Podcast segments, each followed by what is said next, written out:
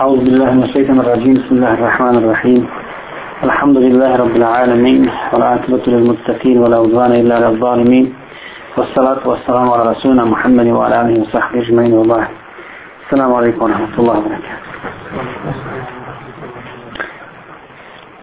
Draga braćo, mi ćemo večeras inšalvo nastaviti sa ovim našim ciklusom predavanja iz ahlaka, odnosno dijela srca. E, ja sam vama bi obećao da ćete imati čas predavanje o,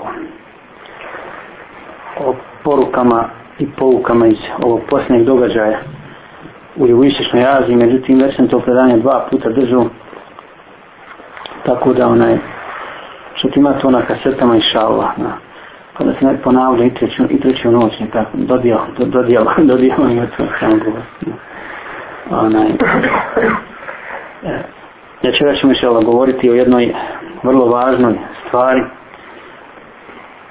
koju danas muslimani, mnogi muslimani zapostavljaju, a ona je u stvari izvor spoznaje, e, izvor znanja, nauke, razumijevanja, posebno vjere i vjerskih propisa, a samim tim i cjelokupno ljudskog života. E, naime, radi se o razmišljanju. Razmišljanju koje danas muslimanima posebno fali, E, i onda kad se nađe neki čovjek koji razmišlja svojom glavom i koji brinje o islamskom umetu vi vidite kako on prolazi i kako bude napadan sa svih strana sa svih strana jer nevjernice danas nisu navikli da muslimani misle svojom glavom da razmišljaju, da budu nekakvi vizionari da, da se brinu o svom narodu odnosno da se brinu o ovome umetu e, mnogi ljudi među muslimanima znaju vrijednost kad se govori dakle, o razumu Znaju vrijednost razuma i razmišljanja, ali ne znaju njegovu pravu suštinu. I malo je oni koji su se istinski tome posvetili i koji u ime Allaha Đelešanuhu razmišljaju, razmišljaju o dunjalku i o ahiretu. Allah subhanahu wa ta'ala braćo naređuje razmišljanje u Kur'anu na mnogim mjestima.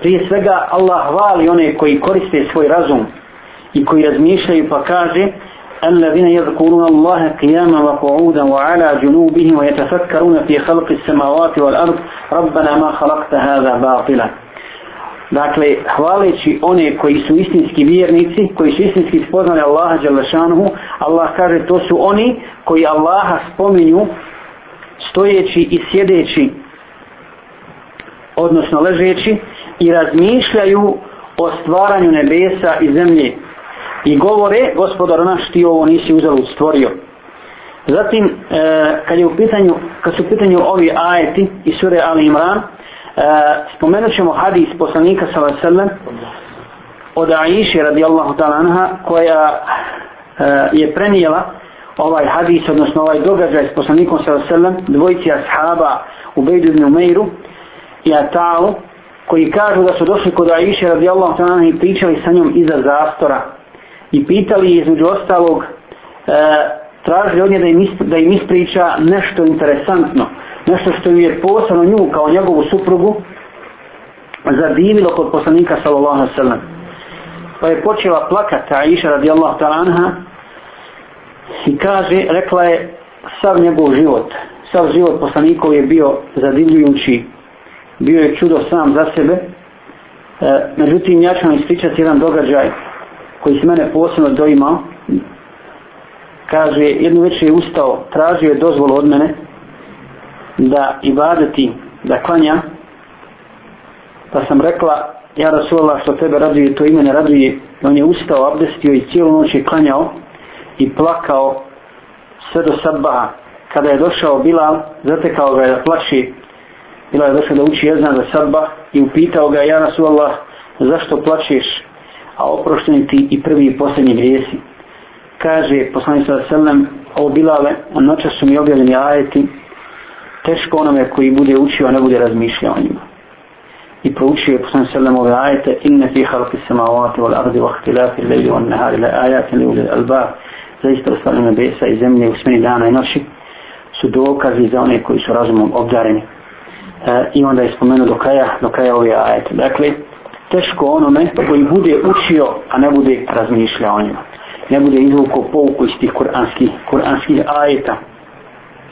Ashabi Rasula sallam su dobro shvatili ovu poruku poslanika sallallahu alaihi wasallam i kao što su posjedovali ostale osobine koje su izgradili kroz islam slijedeći poslanika sallallahu alaihi wasallam također su dobro koristili svoj razum i mnogo su razmišljali, a posebno o Allahu subhanahu wa ta'ala, o susretu sa gospodarom svjetova, o sebi, o svojim grijesima i tako dalje. E, Spomni se da jedan čovjek došao kod e, Ummu Zer, to jest kod supruge, odnosno žene Ebu Zerra, poznatog ashaba Rasula sallallahu alaihi sallam, i pitao je za njegovi ibadet. A mi znamo da je Ebu Zer bio poseban insan, jel? Resul sallallahu alaihi sallam za njega rekao, sam se se rodio Ebu Zerve, sam će živjeti, sam ćeš i umrijeti. I tako je bilo. On imao neki mali nesporazuma sa nekim halifama od ashaba, pa je se izdvojio i tako je završio svoj život posvetivši se ibadetu. Našli su ga neki ashabi, u stvari zatekli su ga tu mrtvog u njegovoj kući.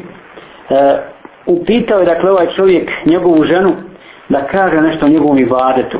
Pa je rekla, osim ibadeta, imao je i to ibadet, imao je dan, imao je u danu, dakle svaki dan, određeno vrijeme koje je posvećivao samo razmišljanju.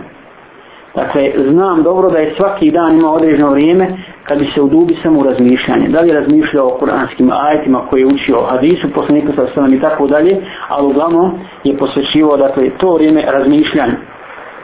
Na tom, na tragu ovih riječi, spomenut ćemo i riječi Hasana Basrija, koji kaže da je sat razmišljanja bolji od klanjanja na file cijelu noć.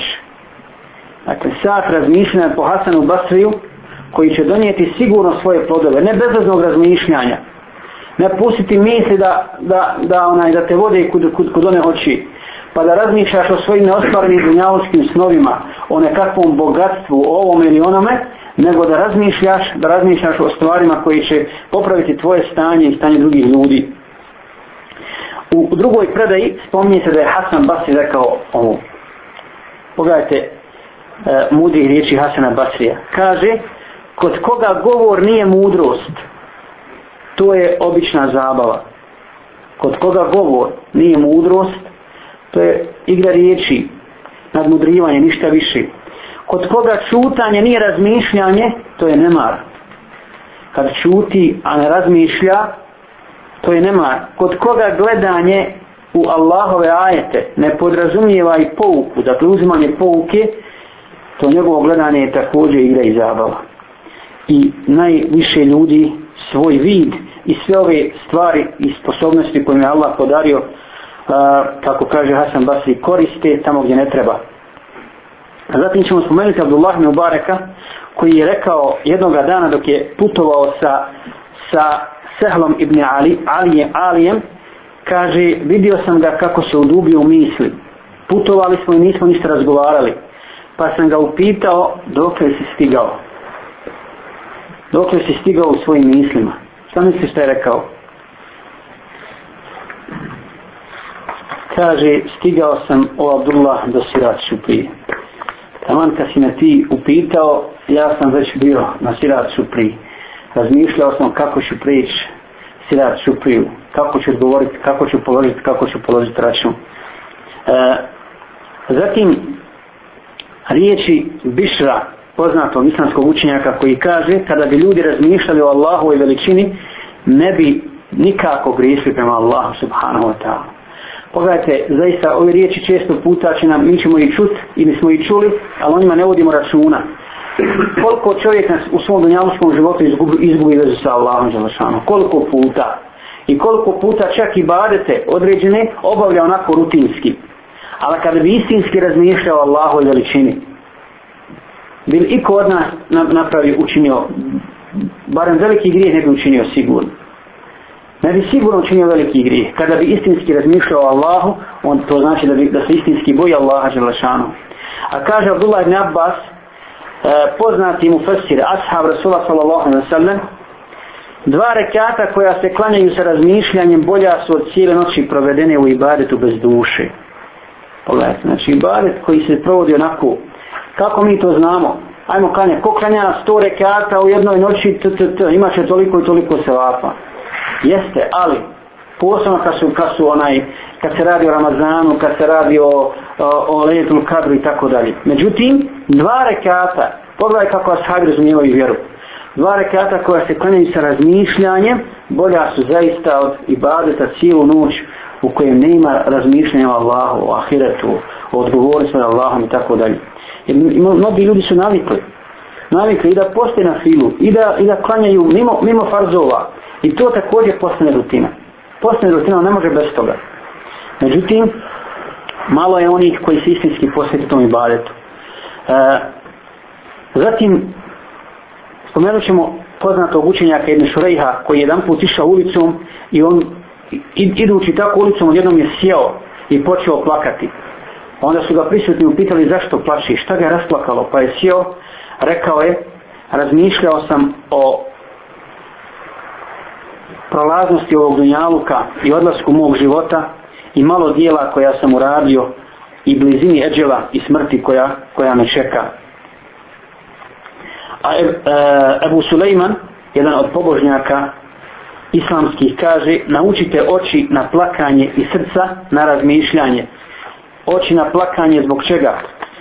Jer, jer čovjek kad god doživi ibadet, kad doživi namaz, učenje Kur'ana ili bilo što drugo, bilo koje dobro djelo, Pa ako se istinski boji Allaha Đelešanu ono često puta da te kuranske riječi ili e, misa o Allahu posjećena na hiret rasplaću i to je znak to je znak jakog, jakog imana inša Allah. A naučite kaj srca da razmišljaju stalno. A e, razmišljanje o ahiretu, kaže islamski učenjac, donosi mudrost i oživljava srce. A zaista danas muslimanima je potrebno dosta mudrosti, potrebni su ljudi koji su odlučni, koji su uh, koji posjeduju znanje, koji posjeduju hrabrost, koji posjeduju mudrost, dakle koji razmišljaju o ummetu i njegovim problemima. I vidite, vidite da danas ovaj islamski ummet najmanje ima takvih ljudi, ili skoro i nema. Ili skoro i nema. Vjerujte, postavi događanja, postavi događanja neka, o nekakvom antisemitizmu o kojima je pisao, o kojima smo mi pisali u Safu i tako dalje, e, ljudi se bili toliko prepali, ili su naši neki intelektualci koji su objavljivali za nas, koji su bili naši saradnici, čak su tražili da se više njihova imena nigdje tamo ne spominju. Nigdje. Međutim, kad su vidjeli da jedan Fatmi Relispahić koji je došao iz Tuzle, koji je javno prozvan i, po, e, i, onaj, i osuđen na linč, da slobodno razgovara s jednim Fincijem na televiziji i da, da, da, mu, da je da ga je pobio i demantovao sve, ono, sve one laži koje, koje, koje su iznijeli, onda se povratili i kažu, e, hoćemo sad i mi, hoću sad ja da dam intervju, hoću da kažem kako su mi prijetili, kako su ovo, kako ono, kako mi rade o glavi, spanalo. I zaista našim vođama, ljudima, političarima, intelektualcima, trebaju takvi ljudi. I kad ih vide na televiziji, kad pročitaju u novinama, sigurno i njima povećaju samopouzdanje. Jer malo je takvi danas, nema ih, a ovako ćemo propast. Bez islamskog odgoja, bez istinskih islamskih vrijednosti, bez islamskog ahlaka, bez ponosa, bez samo to nema. I popuštamo, popuštamo i nikada ostavimo svoje cilje, nikad. Ni vjerske, ni nacionalne. Zato nam trebaju ljudi koji razmišljaju svojom glavom i koji znaju šta hoće. Ali ne samo da mlake prazno slamo, nego da znaju suvislo i pametno kazati i na televiziji, na bilo kojem drugom mediju, odnosno na sredst, u sredstvu informisanja, i da znaju dići svoj glas onda kad treba. Da znaju za talasat kad treba za talasat. Tako, toga nemamo. Tih istinskih vođa nemamo. Zato kaže Abdullah ibn Abbas, razmišljanje o dobru poziva da se to dobro izvrši a kajanje zbog zla poziva u ostavljanju tog, ostavljanju tog zla. Dakle, o tome treba vjerni da razmišlja. Kada razmišljaš o dobrim dijelima, koja bi mogao učiniti da ne činiši, sigurno što razmišljanje postakne da ju uradiš. A kad razmišljaš o svojim grijesima i kaješ se zbog njih, to kajanje i razmišljanje o, o grijehu će te sigurno natjeva da učiniš tobu, da se pokaješ istinski Allahu Đelešanu. Uh, jedan interesantan slučaj je također sa Daudom Etajem, koji spomenuju islamski učenjaci, vrlo interesantan, uh, možda čak pomalo i smiješan, kažu da je on jedne noći sjedio na krovu kući svoga komšije i gledao kad je nebo bilo vedro puno okićeno, zvi, okićeno zvijezdama. E, tako razmišljajući, pošto su ta kod pustnjama tih krovovi kuća bili jako slabi, onaj krov je propao, on je propao dole u, u kuću u, ovog čovjeka, I kad, kad je vidio o kome se radi, taj čovjek upitao ga je, pa što si to radio? Si pro, propao, si put sudario? Kad ja nisam ni osjetio da sam propao, razmišljao sam, razmišljao sam o Allahu Đelešanu. Jer ovako nije bilo ni visoko, ali čovjek se posvetio, posvetio dakle razmišljanju jer, i toliko se udubio u svoje misli, u tim mislima uh, o Allahu Đelešanu, o Ahiretu, o svojim grijesima, da nije ni osjetio kad je, kad je pao. Uh, Imam Šafija također je imao dosta svojih izreka o, o razmišljanju, pa između ostalog kaže pomozite se u govoru šutnjom, a u izvlačenju propisa razmišljanje. Pomozite se u govoru šutnjom. Zapamtam dobro što ovu izreku. Kad nešto hoćete da kažete, onda se pomozite šutnjom. Šta to znači? Dakle, ono što naš narod rekao, ispeci pa reci. Prije nego što kažeš nešto, onda dobro razmišljaj dobro razmisli, izvagaj, izvagaj to. Pogledajte, imama Šafije šta kaže u to vrijeme. Pomozite se u govoru šutnjom, a u izvlačenju propisa razmišljanjem. Kad islam skućenjak razmišlja o određenom pitanju koje je njemu postavljeno, razmišlja o kuranskim ajetima, hadisima koji su izrečeni na tu temu, sigurno će donijeti, inša Allah, uz Allahovu pomoć, dobro rješenje. Međutim, ako onako koji stopa samo na osnovu dokaza, kaže određenu stvar, često puta se desi da, da pogriši. Imam Šafi je bio poznat po jako inteligenciji i znamo da za onu predaju da je on morao, dakle da, da to, je, to je pobožnost, to je istinski ima, da je morao da se zaklanja jednu stranicu, jednu stranicu određene knjige, a posebno Kur'ana, da ne bi, kad, kad čita, da ne bi zapamti obozir, da se ne pomiješale. Dakle, jednu stranicu je morao da zaklani da dok, u drugu, dok to u drugu uči. E, jer su zajedno ulazile u njegovu memoriju. Zatim kaže imam šafija, ispravno gledanje na stvari je spas od obmane, a postojanost u mišljenju je spas od pretjerivanja. E, zatim ćemo išala spomenuti riječ Ibnu Kajima koji, koji govori o razmišljanju, jedan vrlo interesantan način kaže, postoje četiri vrijednosti na Dunjaluku, četiri vrijednosti. Prva je hikmet, odnosno mudrost. Mudrost čiji je pratilac uvijek razmišljanje. Dakle, nema mudrosti bez razmišljanja. To je jasna stvar. Drugo, čednost. Dakle, čednost, to ta, ta osobina lijepog islamskog ahlaka, kojom danas, koj, kojom bi trebalo da se, da se okite istinski muslimani, a njen temelj, dakle, njen stalni pratilac, jeste pobjeda na strastima. Nema čednosti, ne može biti čedan, nevin. Dakle, i pošten u svom životu. Ne može biti moralan onaj ko ne pobjedi svoju strast. Koga strasti pobjede, gotovo je sa njim je završeno. Makar klanjao, postio, džihad vodio, ne znam, ako ne vodi džihad sa svojim strastima, dakle, neće, neće uspjeti, neće uspjeti. A primjer za to je najbolji, Jusuf a.s. je tako? Jer kako se on izborio sa svojim strastima i kako je uspio, uspio da postine tu, tu vrlinu za lahu pomoć. Zatim, treća stvar, treća vrijednost jeste snaga ili kuvet. A kaže mu Kajim, a njen temelj je savladavanje u srđbi. Savladavanje u srđbi. Onaj ko se ne zna sa vladost u srđbi, on će uvijek donositi odluke na prečac. I kajat će se zbog toga. Dakle, u tome je snaga. I četvrta stvar, pravda. Pra, dakle, kad govorimo o srđbi, nije bitno o kome se radi. Radilo se o grijehu prema Allahu Đelešanu, o grijehu prema roditelju, prema ženi i tak prema djetetu, ako u srđbi postupiš e, i odmah doneseš odluku, sigurno ćeš postupiti pogrešno. I pravda, a njen temelj je, kaže Ibn Kajim, snaga duha ili veličina, veličina duše. E, zatim, e, ćemo spomenuti također riječ Ibn Kajima koji kaže da je najbolje razmišljanje, razmišljanje o popravljanju stanja, svog vlastnog stanja i puteva, načina kako da se to postigne i da se odbiju štete od čovjeka. O čemu čovjek može razmišljati? Može razmišljati o stanjima Dunjaluka i o stanjima Ahireta. Dakle, kad razmišljamo o koristi za Dunjaluk, To je jedna vrsta razmišljanja. I drugo, kad razmišljamo o štetama i kako ispriječiti. Međutim, najbolje razmišljanje je razmišljanje o Allahu, odnosno o ahiretu i kako se spasti na ahiretu. I razmišljanje o kazni i kako, kako je izbjeći uz Allahu pomoć, kako se dakle spasti te kazne.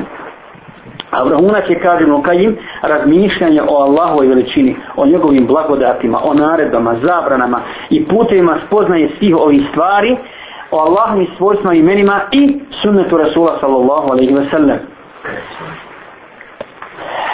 Da bi nam bilo malo jasnije šta znači razmišljanje i kolika je njegova vrijednost. Kolika je njegova vrijednost, spomenut ćemo kuranski ajet koji postiče svakog mu'mina na razmišljanju.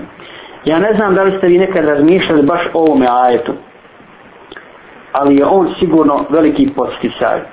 pogledajte kako uzvišeni, ne samo da naređi razmišljanje direktno, nego i indirektno. Kaže Allah Đelešanu, A'udhu billahi na šeitan rađim.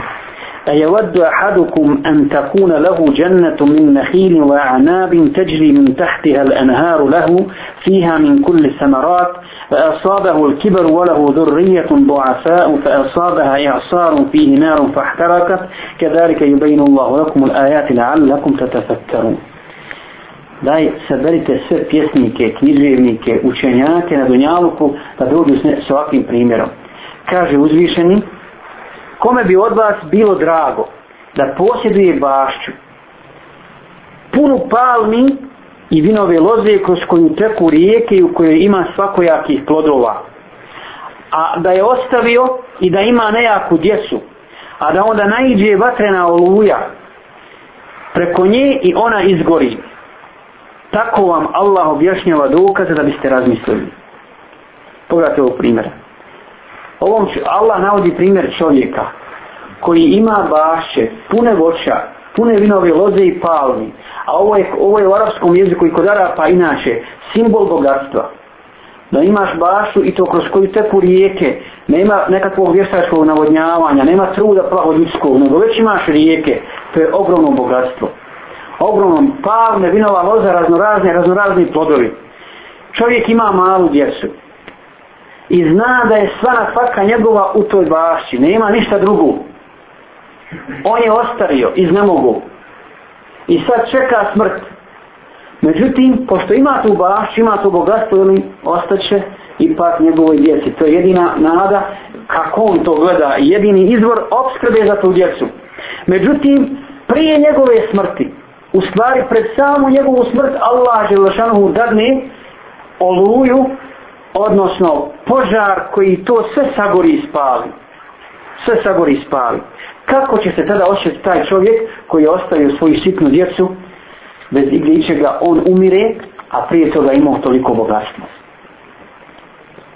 Zašto ne vedem ovaj primjer i povodom čega? Šta mislite? Da vidimo kako razmišljamo. Šta mislite na što se odnosi ovaj primjer? čovjek imao mnoštvo, mnoštvo, veliko bogatstvo i odjednom sve nestalo. Sve nestalo. Pogledajte kako su islamski učenjaci razmišljajući o kuranskim ajetima o Allahovoj objavi, eh, lahko došli do zaključka na što se to odnosi. Ajet je ovaj upućen onima koji imaju mnoštvo dobrih dijela. Imaju mnoštvo dobrih dijela, ali nisu radili na Allaha subhanahu wa ta'ala. Dakle, da ovaj nas ajet uvijek vraća na iskrenost, na ihlas, na iskrenost, da, da radimo djela iskreno u ime Allaha subhanahu wa ta'ala.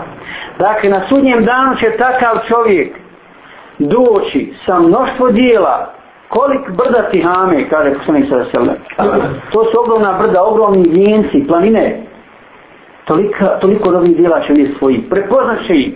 Međutim, Allah će ju prah pretvoriti. A tada će na sudnjem danu svakom čovjeku biti potrebno djelo, pa će prići svojoj ženi, svome ocu, svojoj majici, tražit će od nje samo jedno dobro djelo, međutim neće mu ni majka rođena dati jedno dobro djelo. Majka rođena, jer će joj trebati tada, to jedno dobro djelo može će baš ono spasti, može ono prevagnuti na vagi dobrih djela. A sunce se spusti kod špedar iznad ljudskih glava, I čovjek će biti uznoj onoliko koliko je, koliko je grijeha, grijeha počinio, shodno svojim grijesima. I u tom trenutku, dok ti gledaš ta tvoja dobra djela, koja bi trebala da ti budu spas i garant da se spasiš od džehennema, da uđeš u džennet, Allah ih uništi i pretvori, pretvori u prah. Kako će se osjećati tada taj čovjek?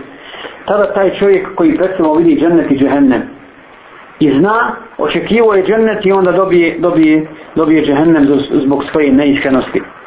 Zatim Allah subhanahu wa ta'ala govoreći, govoreći o dunjaluku i primjeru dunjaluka, navodi primjer i kaže innama mathalu al-hayati ad-dunya anzalnahu min as-sama'i fakhtalata bihi nabatu al-ardi mimma ya'kulu an-nas wal-anam hatta idha akhadhat al-ardu zukhrufaha wa zayyanat wa dhanna ahluha annahum qadirun 'alayha ataha amrun 'alayna aw nahara faj'alnaha hasidan ka'an lam taghna bil-amsi bil ems. Kaže Allah s.w.t.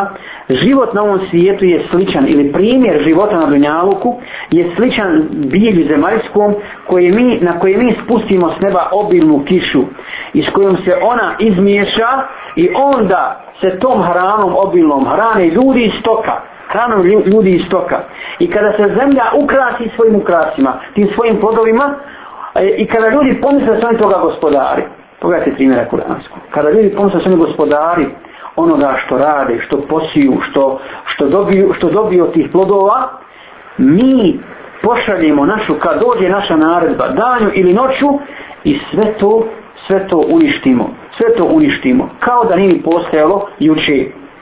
Dakle, to su ajeti ili primjeri koje Allah navodi ljudima koji imaju pameti.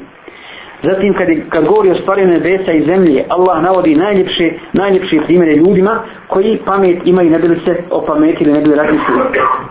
Pa kaže uzvišeni, on je zemlju ravnom učinio i na njoj nepomične planine postavio i rijeke stvorio i od svakog ploda, od svakog ploda po par muško i žensko dao on dan zastire noću, to su doista dokaze ljudima koji razmišljaju.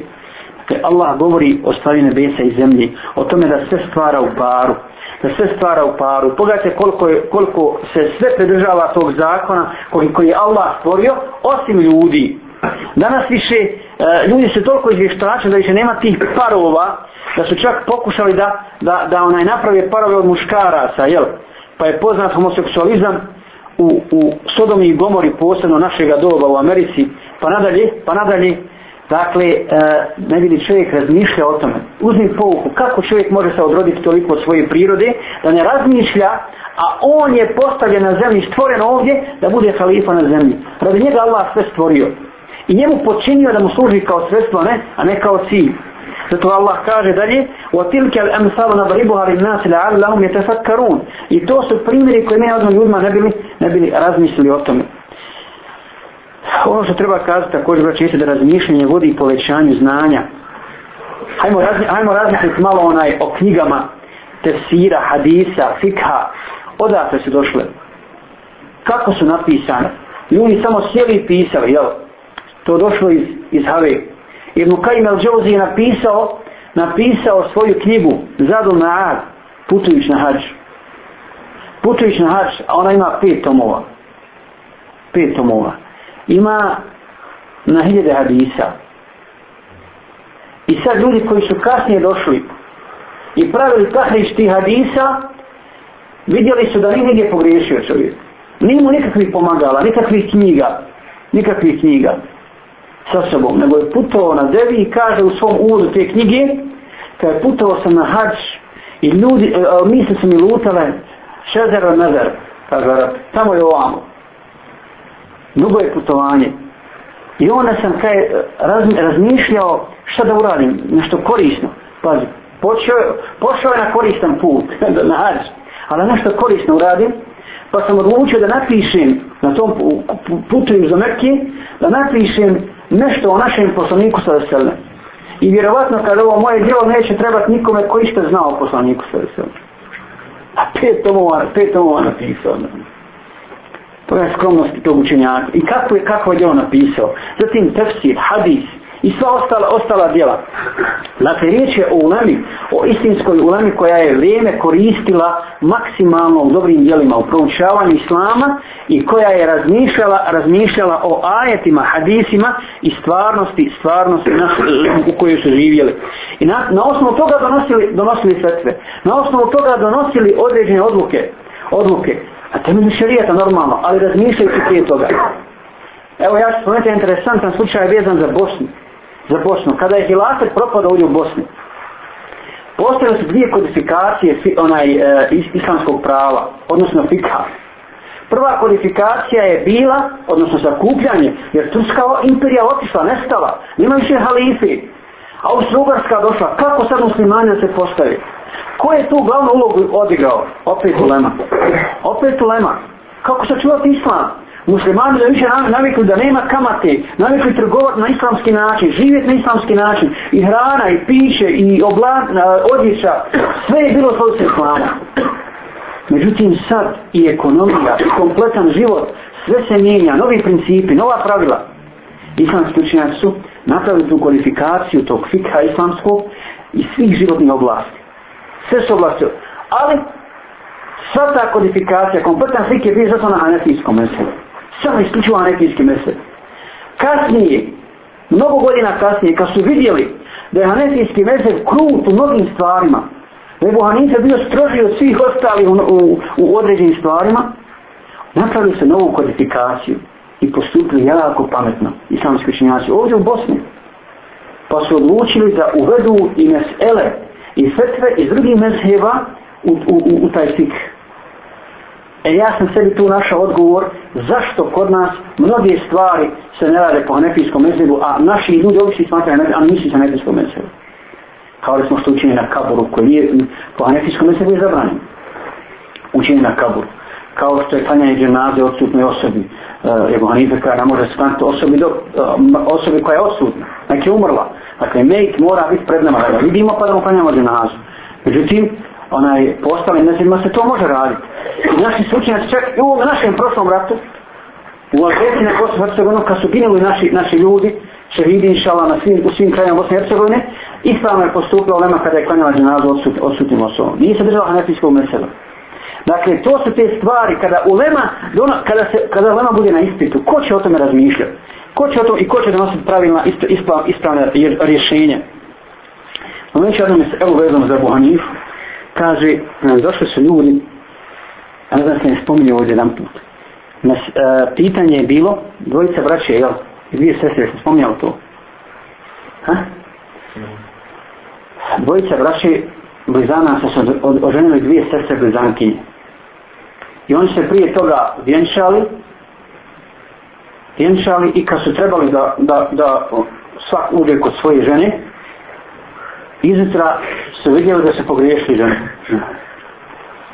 Znači, brat koji je vjenčao tu sestru, nije sa njom legao, nego je legao sa njom, sa njom drugu.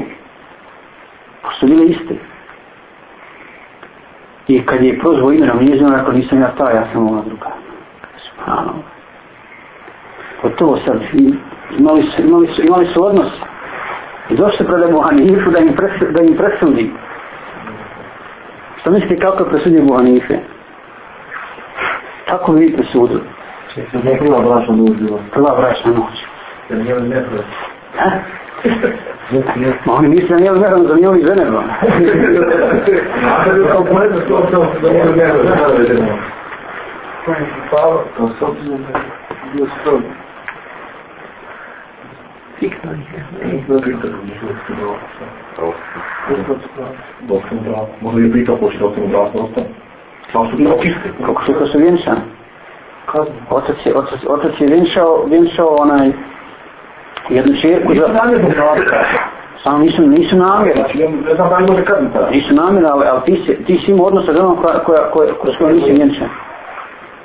Sredski ismijen sam. Ali kontu su da je to njegova žena.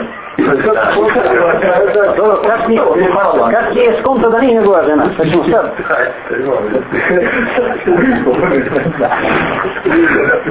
Iskala, ja. Ovo imena su pao, a ne on iće iskala.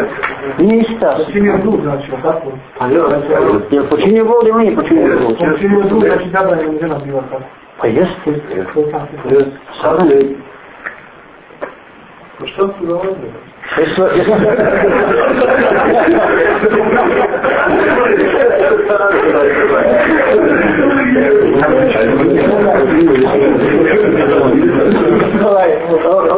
Ovo je dobro, što su radili? One, one, ko onaj Nikić, kaj kad ga je pitao nastavnik, onaj igrač želi, pitao ga nastavnik, na, na nas ta krug, na. Koliko li se peni ima tom krugu? kaže onaj, da malo razmišljanju govorim, zgodno spomenuti, on ne zna što je gledan, ja zelo drugi učenik koja je napisao 360 na ruci pokazano, 360 na Ja dobro kad on će gledat dole te ovdje, on te nacita drugi krug, unutar tog kruga. A koliko ova ima krug, Jer koncam ja, ovaj je duplo manji, kad duplo manji od A priču on to novinarima koji su mu dolazili, znaš. Duplo manji od kada je ovaj sad vozač do novinara, kada je sve pogodio.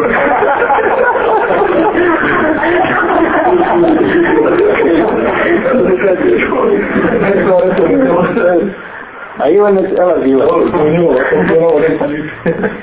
Pa ne znam, braće, niste mi odgovorili. Nije pa niko da. U Briješi se ovi pogodili odmah. Nisu svi, ali to neki su tačno dali odgovor. Pa već ja sam vidim. Pa nisu da su pri, nisu da su pri. Neko je spomenuo mer, jel? Šta si rekao, treba samo... Zamijenu su mer, ova što je bio dat ovoj prvoj ženi, dat je ovaj njegovoj pravoj ženi.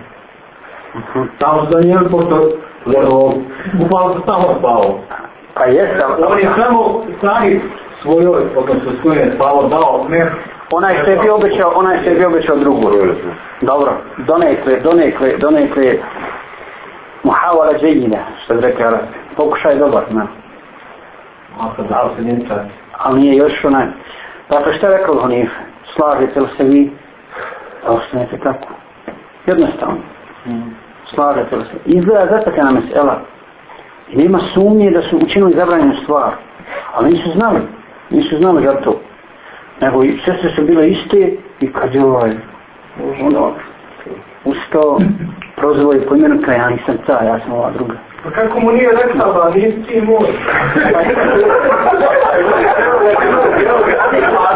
oni su, oni su bružanci, a oni su bružanci. U ime, ba, samo nek sad ju žena.